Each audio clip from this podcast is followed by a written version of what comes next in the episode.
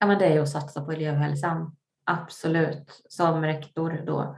Mm. Att man vågar kliva ur den här bilden av traditionella kuratorsrollen som har samtal och att man vågar vara ute där eleverna är. Eh, möt upp dem i klassrummet, möt upp dem i matsalen, snacka med dem på rasten.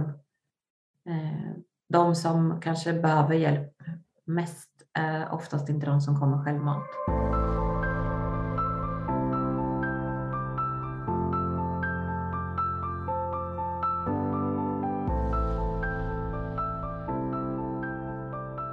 Hej och välkomna till Agera-podden. En podcast om mänskliga rättigheter, demokrati och diskriminering. Allt med ett särskilt fokus på Värmland. Eh, och idag med mig Per Hydén. Och idag ska vi prata om hälsofrämjande arbete i klassrummet framför allt. Och jag har med mig en gäst. Varmt välkommen Hilda Jonsson. Tack så mycket. Du är tidigare skolkurator, numera mikroinfluencer, författare och projektledare för Livsviktiga snack i skolan. Ja, precis. Jättekul att ha med dig här i Agera-podden. Eh, hur är läget med dig? Ja, men det är bra med mig, eh, tycker jag. Det är ju liksom vår på gång, mm. så då blir man alltid glad. Precis, vi spelar in det på, på distans och här i Värmland så har det ju varit soligt hur länge som helst nu känns det som, men nu kom det lite moln och lite hagel sådär. Hur, hur är vädret där du sitter? Jag sitter ju i Östergötland eh, och där är det lite sol blandat med lite, igår var det lite snö. Mm. Ja, det är ändå, det man känner ändå att våren är på ingång och det är ju väldigt, väldigt härligt tycker jag. Vi mm. sitter och spelar in här första april och det är fredag eftermiddag. Och du kommer ju också tänker innan vi börjar prata här om, om eh, ditt arbete och eh, hälsofrämjande arbete i klassrummet och livsviktiga snack och allting så kan vi nämna det att det, du ska ju också vara med oss eh, och hålla ett pass i vår seminarieserie som vi kallar för Trygg skola som vi kommer då sända digitalt den 5 april. Vi får väl se lite grann när vi släpper det här poddavsnittet. Men det, här, det seminariet du kommer köra kommer vi ju släppa på, på vår Youtube-kanal. Eh, så att om du som lyssnar på det här eh, gärna vill ta del av Hildas eh, föreläsning så gå in på Agera Värmland på Youtube så kan man se det där efter den 5 april. Men om vi nu dyker in, Hilda, vad, vad är det bästa med att jobba med barn och unga? Oj, det är ju, det är en väldigt stor fråga. Men jag, tänker, jag, har ju varit liksom, jag har ju varit inom skolvärlden i, ja, som 2009. Jag läste ju till lärare först ja. och tänkte att det är liksom, ja, det här, det är den här plattformen jag vill vara på. Och sen när jag hade varit eh, nästan, eller när jag nästan var klar som lärare, då så kände jag att nej, jag vill nog jobba med de här frågorna där man får grotta in sig lite mer och varför man gör som man gör och hur, varför man mår som man mår. Så att, då, då läste jag vidare och sen hamnade jag ändå i skolan och blev skolkurator. Ja. Och det är just för att barn och unga, eh, alltså man, har ju, ja, man får ju så otroligt mycket energi av att jobba med dem. Det är ju ett givande arbete på så många sätt. Dels för att man får vara en, en ledsagare, eller vad man ska säga, att man får liksom vara med och dela sin kunskap och förmedla saker vidare, samtidigt som man själv liksom får lära sig så otroligt mycket. Och man får hela tiden ha kvar en fot i, i barnasinnet. Och det tycker jag är jättehärligt. Ja, ja det förstår jag verkligen. Eh, och jag blir väldigt eh, intresserad här nu och eh, nyfiken. Du har ju slutat då som, som skolkurator med jag saken rätt. Mm. Kan du berätta lite grann vad, vad, vad, du gör nu? Vad innebär det att vara en mikroinfluencer? ja, det, ja, vad innebär det? Nej, men jag tänker att det kan vi ju komma tillbaka till kanske senare, men eftersom att jag har jobbat som skolkurator och även tagit fram en, ett, ett arbetssätt som sen blev en bok och så där, mm. så startade jag i samband med ett Instagramkonto. För jag kände att ja, men det är viktigt att kunna kommunicera med föräldrar på ett smidigt sätt och kunna liksom dela det vi gör och varför vi gör det och hur man kan ta vidare hemma sen. Mm. Eh, och det där kontot var väl från början egentligen tänkt för just mina elevers vårdnadshavare, men då 2016 var det inte så många som hade Instagramkonton som var jobbkonton på det sättet. Så det här kontot blev väldigt stort och växte. Ehm, så under två år så hamnade jag på Bonniers lista över skolinfluencers man skulle följa till wow. exempel. Och sen har ju det här kontot vuxit ännu mer. Så att ehm, jag tänker att man är en liten mikroinfluencer om man får slänga sig med sådana ord i, liksom en, i just den här världen där vi är med skolfrågor och ja, barn och unga. Så. Precis, ja men absolut. Eh, och jag kan rekommendera lyssnarna också att, att, följa dig på sociala medier, för det är väldigt, väldigt bra och man kan få många bra tips och även såklart läsa din bok som vi kommer säkert komma in på eh, nu, tänker jag. Ja. Eh, för din bok då, Skolkurator 2.0, mm. eh, där tar du upp en, en modell med olika teman eh, för att jobba hälsofrämjande i klassrummet. Kan du, innan vi går in i på konkret, hur, hur kom eh, idén eh, att skriva boken? Ja, eh, det, det var ju faktiskt en ganska konstig situation. Det började med att jag sa upp mig som kurator. Mm. Jag var i den situationen som jag tänker att många personer inom elevhälsan är där man delar sin tjänst på många skolor. Och det funkade inte för mig. Jag kände mig otillräcklig. Jag kände mig inte duktig på mitt jobb.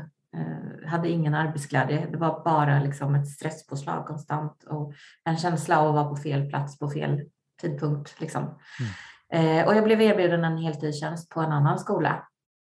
Så jag sa upp mig. Och Ehm, innan jag sa upp mig så sa min chef, ja, men kan du inte ha lite is i magen? Vi kommer ha många som slutar här nu som går i pension, så vi kanske kan göra så att din tjänst liksom blir en heltid så att du kan bara vara här hos oss. Men jag är ju lite impulsiv eh, och när jag har bestämt mig för något så blir det oftast så. Så att eh, jag sa upp mig och gick och började på den här nya skolan och eh, efter två veckor så kände jag nej, vad har jag gjort nu? Det var inte rätt. Nej, det var inte rätt. Eh, av många olika anledningar. Men jag ringde tillbaka till min eh, gamla rektor då och sa att hör du, den här tjänsten, skulle det kunna vara så att den är aktuell fortfarande? Eh, och då kontrar hon med och säger att ja, men det skulle det kunna vara, men då vill jag att du tar fram ett arbetssätt som gör det möjligt för en kurator att vara på heltid utan att bara jobba åtgärdande. Och då kände jag att den här nya tjänsten kanske inte var så himla tokig ändå. När man fick den här utmaningen. Men eh, då hade jag i alla fall två veckor på mig att ta fram något form av koncept där jag då skulle jobba förebyggande. Och det här ordet är ju ett ord vi slänger oss med mycket mm. Eh, utan att kanske riktigt ha konkretiserat vad det faktiskt betyder. Men så, och det, just det här, i det här sammanhanget så var det ganska bra för min skull för att jag, jag kunde ju göra lite vad jag ville med det. Då.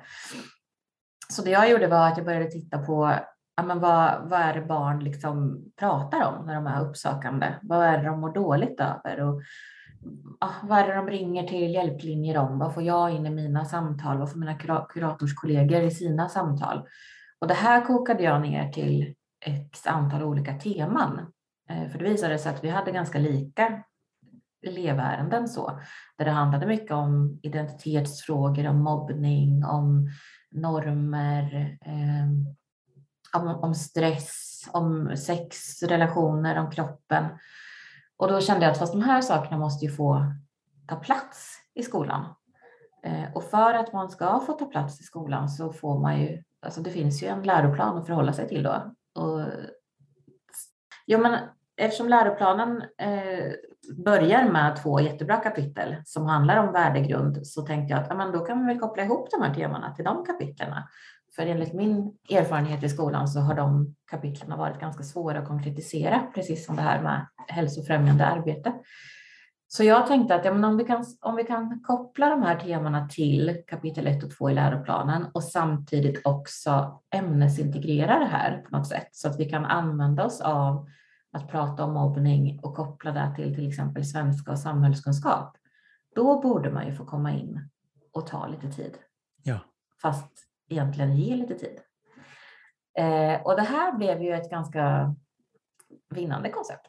För mm. att eh, efter ett halvår så var jag ute och pratade med 290 elever i veckan.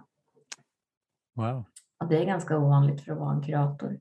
Mm. Att man får möjlighet att träffa så många elever samtidigt. Eh, så att det blev ett tematiskt arbete som var förankrat i läroplanen kopplat till x antal olika ämnen där jag tillsammans med elevernas pedagoger pratade om de här sakerna eh, där de liksom fick använda sina egna erfarenheter och tankar och reflektioner i, i de här lektionstillfällena. Samtidigt som man då kunde som pedagog se Eh, det här som ett tillfälle att få observera sina elever och även få underlag för bedömning på så sätt att man kunde bedöma deras förmågor i att resonera, diskutera, analysera, men också använda då skrivuppgifter eller diskussionsuppgifter eller muntliga framställningar som en del i liksom det vi gjorde, men även som underlag för bedömning. Just det. Vad, var, vad blev responsen? Nej, men den var bra. Alltså för, det, så är det ju alltid när man försöker göra nya saker, att alla tycker ju inte att förändring är bra. Mm. Men jag upplevde det som att eh, de flesta tyckte att det var spännande, intressant. Eleverna tyckte att det var jättekul. Eh, först var de kanske lite så här, vad då ska kuratorn vara här? Vad konstigt. Mm. Men eh, det blev liksom ett naturligt inslag och just för att jag hade med mig pedagogerna och rektorn i det här arbetet så var det också tydligt för eleverna att det här var någonting som var viktigt och att det handlade om deras undervisning, precis som att man har svenska och matte där man behöver träna på saker behöver man även träna på det här och att det liksom fick en värdig plats i deras eh, schema. Eh, så att det, var, det var bra. Sen är det klart att alla tyckte inte det. Och, men så är det ju alltid. Liksom. Mm, ja, men exakt.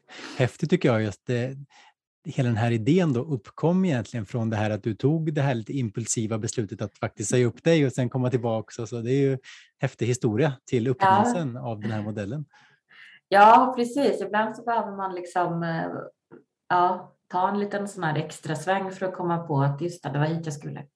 Precis, och hur, hur var då steget från att du tog fram den här modellen utifrån läroplanen och utifrån de här eh, teman och områdena som du såg och många elever har mycket frågeställningar om.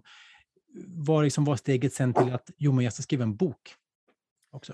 Eh, nej, men jag hade ju en liten dröm om att kanske kunna ge ut det materialet som jag hade tagit fram som någon slags handledning eller något. Och det var ju även, även därför jag startade det här Instagramkontot för att kunna dela det vi gjorde för att det skulle spridas för att jag tyckte att det här var kanon. Liksom. Mm. Eh, och vid något tillfälle så hade vi en eh,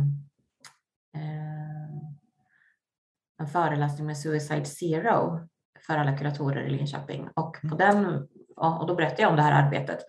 Och de började följa mig på sociala medier och efter ett tag så fick jag en inbjudan att komma och berätta om det här för deras arbetsgrupp, trodde jag. Eh, jag tänkte att ja, men det är väl kanske ett tiotal personer. Jag hade ju aldrig hållit en föreläsning överhuvudtaget, så jag tänkte att ja, men det här det blir bra, vi kör. Eh, åker till Stockholm och på vägen dit så kommer jag på att jag kanske ska fråga hur många det är som är med. Det kan ju vara kul att veta. Varpå de säger, oh, men det här är ju en årlig, ett årligt event som är suicidprevent, eller ja, suicidpreventdagen. Eh, så det är ungefär 300 personer här idag. Det var annat.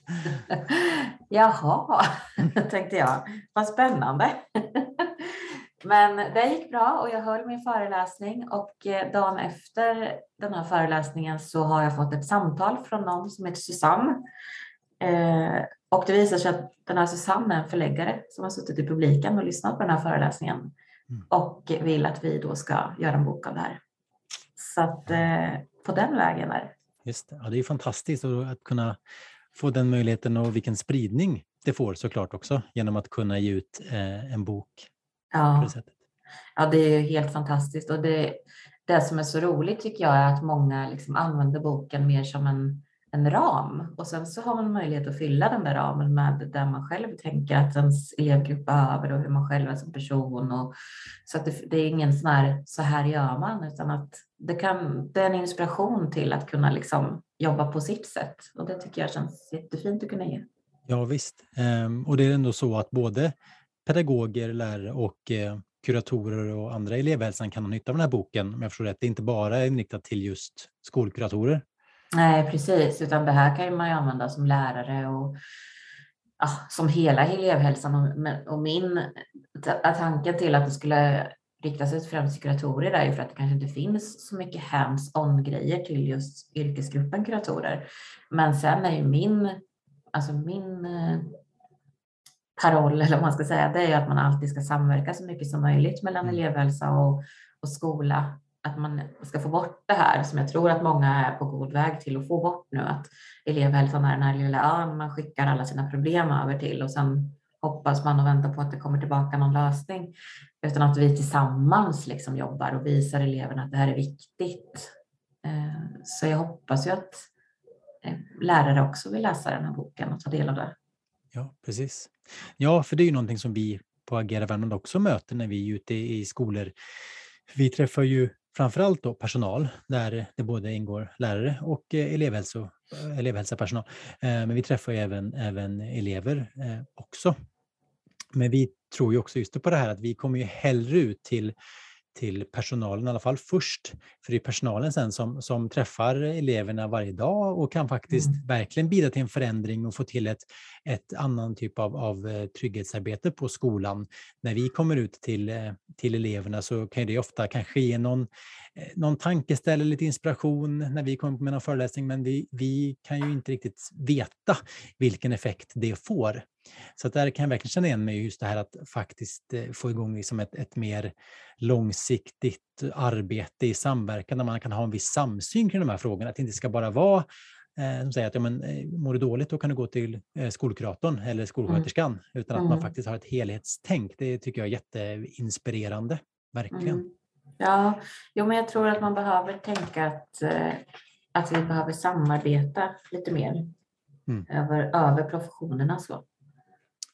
Precis, och något som du också nämnde i början där som, som jag tror också från min erfarenhet många skolkuratorer kämpar med, det är ju det här att man, inte, man aldrig räcker till. Mm. Eh, dels som du hade det, att man, man är, ska på flera skolor, men sen också det här att man eh, har svårt att hitta balansen mellan det förebyggande eller kontra det, det reaktiva då, eh, mm. eller åtgärdande. Där det är såklart väldigt svårt då att om det står elever på kö utanför dörren eh, så är det ju svårt att kanske gå och lägga för mycket fokus på, på det förebyggande. Mm. Ehm, hur har det varit för dig? Det här just förebyggande arbetet eh, kontra det åtgärdande eller reaktiva? Ja, men det är ju, det är ju precis så som du säger att har man inte så mycket procent på en och samma skola, då äts ju den tiden upp av kanske möten och sen det här absolut mest akuta.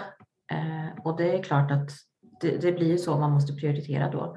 Så därför så hoppas vi på att alla, alla ska ha en heltidskurator på plats för att det ger så otroligt mycket. Mm. Och just att hitta balansen i det där, alltså det handlar ju kanske om att man vågar satsa lite, precis som, som att man har eh, man har sina lärare på plats varje dag, att de blir en naturlig del i elevernas vardag, så tänker jag att elevhälsopersonal också måste vara det. Så att man bygger upp den här tilliten och tryggheten till att kunna söka hjälp. Men också att elevhälsopersonalen finns på plats och kan vara uppsökande till de eleverna som inte kommer själva. Att man kan finnas tillgänglig i korridorer, i matsal, vara ute i klassrum, mm. eh, sitta med i arbetslag, få ett sammanhang, få en känsla för skolvärlden. Eh, hur, hur ser pedagogerna på eleverna som jag träffar? Vad har de för bild? Så att man liksom får en, en bättre bild och en helhetssyn på liksom eleverna och deras vardag. För att det är jättesvårt att jobba förebyggande annars om man inte vet hur deras dagar ser ut. Mm. Eh, så att jag tror att det handlar om att man som, för nu är det ju faktiskt så att det är rektor som bestämmer över sin egen organisation och att man som rektor då vågar satsa på det och att sätta en högre tjänstegrad på, sin, på sitt elevhälsoteam så att man får möjlighet att liksom, ja, man göra de här sakerna som kan bidra till att det inte blir så mycket åtgärdande arbete sen. Mm. Ja, precis. Eh, din bok heter Skolkurator 2.0 Må bra, prestera bra. Mm. Hur, eh, hur ser du på det här med att välmående hänger ihop med prestation? Ja, men där, nej. Eh, ja, men där gick jag nog till mig själv ganska mycket och någonting som jag också märkte såklart när man var ute och pratade med eleverna. Men om jag går till mig själv så vet jag att jag är betydligt mycket mer mottaglig för att ta in kunskap eller att vara engagerad i någonting eller tycka att något är intressant och roligt och spännande om jag själv mår bra. Har jag en dålig dag och är ledsen eller ner eller orolig för något, då är det klart att jag inte alls är lika fokuserad och intresserad. Och precis det här, så här är det ju för våra elever också. Um, och lika så just det jag märkte när man var ute och pratade om de här frågorna var att det här var ju saker som de kan relatera till, som handlar om deras vardag hela tiden. Eh, och då, då blir det ju att, ja, får jag prata om det här ja, men då känns det kanske lite bättre och då kan jag fokusera lite bättre sen. Så att man liksom gav den möjligheten för att under, under en hel skoldag så gav det effekt. Jag tror mycket på det och det är återigen det här med att våga satsa på elevhälsan, att man, man har dem på plats för att kunna göra den här insatsen som sen i förlängningen blir också någonting som man kan se i det pedagogiska arbetet. Just det. När då eh, du och eh, skolan du var på hade börjat jobba enligt din modell eh, och ni hade kört det här konceptet, du tillsammans med lärare och elever, såg, såg du några förändringar i hur eh, personalen såg på det förebyggande arbetet, alltså lärare och även eh, skolledning? Alltså vad, vad gav det för, för eh, konsekvenser eller, eller positiva effekter? Men de effekterna som vi såg först och främst, det var ju att eleverna själva kunde bli mer delaktiga i lösningar. Alltså att de hittade sina verktyg för att för det första sätta ord på hur de kände och mådde, men sen också tillsammans eh, kunna lösa saker som man tidigare hade behövt ha en vuxens hjälp med. Eh, för att man hade rätt verktyg nu och man kunde förstå sig själv och andra mycket bättre. Sen så fick ju lärarna också den de verktygen så de kunde göra ett mer förebyggande jobb innan man gick till elevhälsan. Så det vi såg när lärarna kom till elevhälsan efter det här arbetet, det var ju att de hade gjort steg A, B och C och att vi behövde hjälpa till med steg D. Mm. Eh, medan tidigare kom de redan vid A. Så att här vart det också en effekt av att man fick mer kunskap och mer trygghet i att kunna jobba med de här sakerna själv att dels kunde eleverna göra lite själva, lärarna fick liksom mer kunskap och trygghet i att knyta ihop och sen så fick vi liksom kanske då kliva in om det behövdes ytterligare åtgärder eller kanske hjälp med externa kontakter eller sådär. Eh, så att det var väl egentligen det som man såg liksom mest i de, i de mjuka värdena. Så. Men sen så såg vi också resultat på elevernas ehm, förmågor och det märkte vi bland annat på nationella prov till exempel att deras förmågor att resonera och reflektera, diskutera, analysera blev mycket bättre. För det hade de ju fått göra så mycket i ämnen som de kände sig trygga med och som de kände sig hemma i. Så att när det kom som en uppgift sen eh, i andra sammanhang, då var ju de vana vid det. Mm. kunde uttrycka sig och vrida och vända och använda sina känslor och liksom så. Så att det var också en bra effekt. Det är ju så spännande där tycker jag. Eh, och hur, hur, har resan för dig varit sedan sen boken eh, gavs ut? Alltså det var ju inte kanon att släppa en bok mitt i ett pandemiår. Tyvärr, för jag hade ju såklart velat åka runt till alla skolor och få prata om det här och få vara med och få träffa elever och kanske få hålla i någon lektion tillsammans med någon elevhälsa och pedagoger. Så. Men tyvärr vart det ju inte så då. Det kanske kan bli så nu, vem vet? Eh, men däremot så har det ju gett mig ett otroligt kontaktnät. Alltså jag har ju fått så många kuratorer och elevhälsopersonal som har liksom hört av sig till mig där vi kan dela erfarenheter, vi kan byta tankar, man delar med sig av material, man liksom, ja, bollar idéer, tipsar varandra och det är ju oerhört mycket värt för att man är ju ganska ensam i sina professioner. Även om man har sitt elevhälsoteam så så är man ju själv i sin profession oftast. Så att, att ha fått möjlighet att sprida det här och sen genom det kunna bygga upp ett stort nätverk eh, där man kan dela med sig av erfarenheter och kunskap, det är ju helt fantastiskt. Ja, verkligen. Och det jag tänker på nu när jag lyssnar på dig är att det här är såklart arbetet som, som skolkuratorer gör är såklart för att, för att eh, främja elevers eh, välmående och hälsa. Men jag kan tänka mig också att om man kan ta tag i det här arbetet eh, som exempelvis det här sättet som, som din modell, så låter det också, också som att ens egen arbetsmiljö och arbetssituation som skolkurator kan också bli bättre.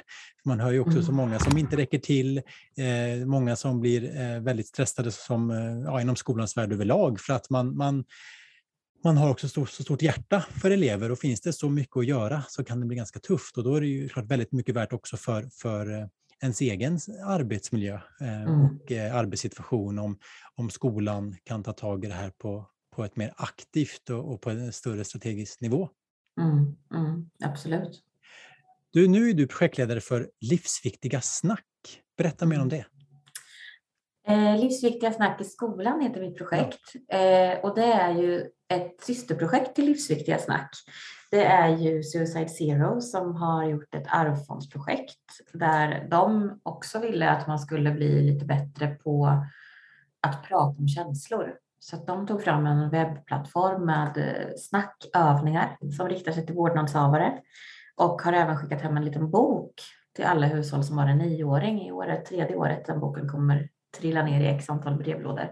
Mm. Där man vill då att vårdnadshavare ska prata med sina barn om just känslor, tankar, funderingar, lära sig att ställa öppna frågor istället för det här eh, har de varit bra? Ja, okej, okay. utan att man liksom ställer mer som leder till det här samtalet och som då kan bli det här livsviktiga snacket där man faktiskt får veta eh, om någonting skaver. Så. Mm. Eh, och den här boken blev en succé bland skolor också som hörde av sig till Suicide Zero och sa att vi måste kunna få använda det här som ett skolmaterial.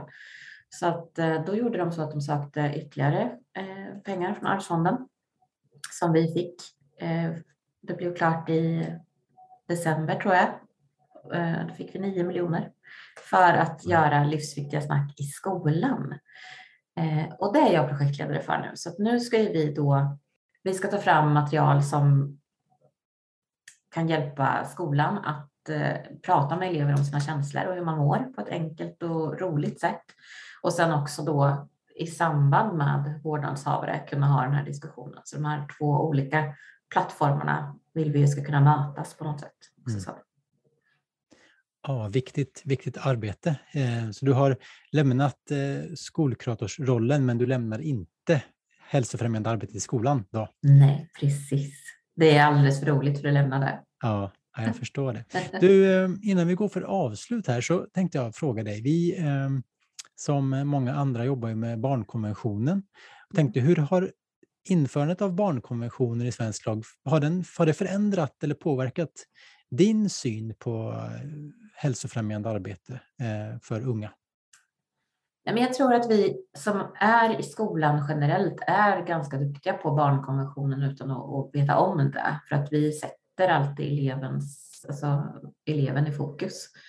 Eh, sen tror jag att just de här tre olika barnperspektiven, där man har barnets perspektiv, barnperspektivet och barnrättsperspektivet har blivit mer synligt i alla processer så i till exempel där man tänker ja, men i åtgärdsprogram eller när man gör anpassningar eller när man ska sätta in särskilt stöd att barnets perspektiv kanske har fått ta mer plats.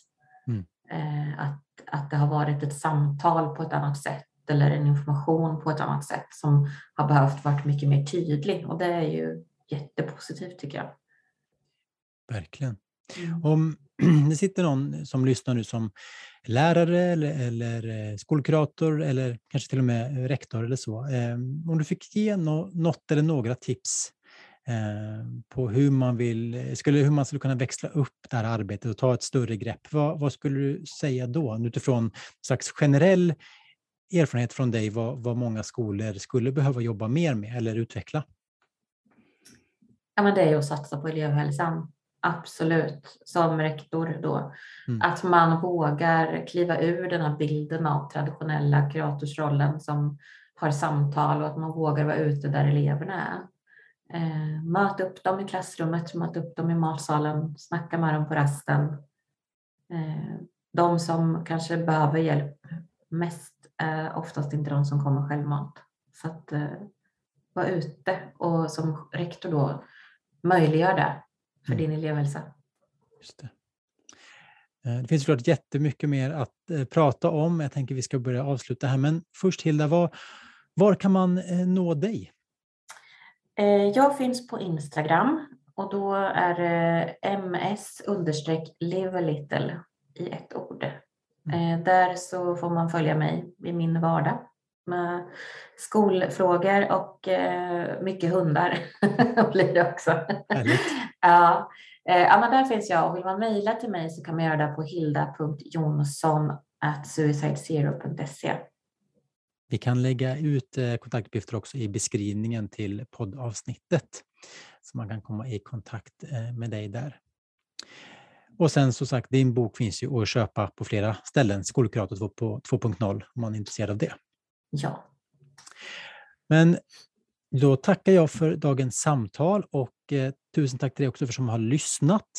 Eh, kolla gärna in Agera Värmland på sociala medier och det finns även mycket information på vår hemsida ageravamland.se. Hilda Jonsson, tusen tack att du var med i Agera-podden. Tack snälla. Hej då. 哎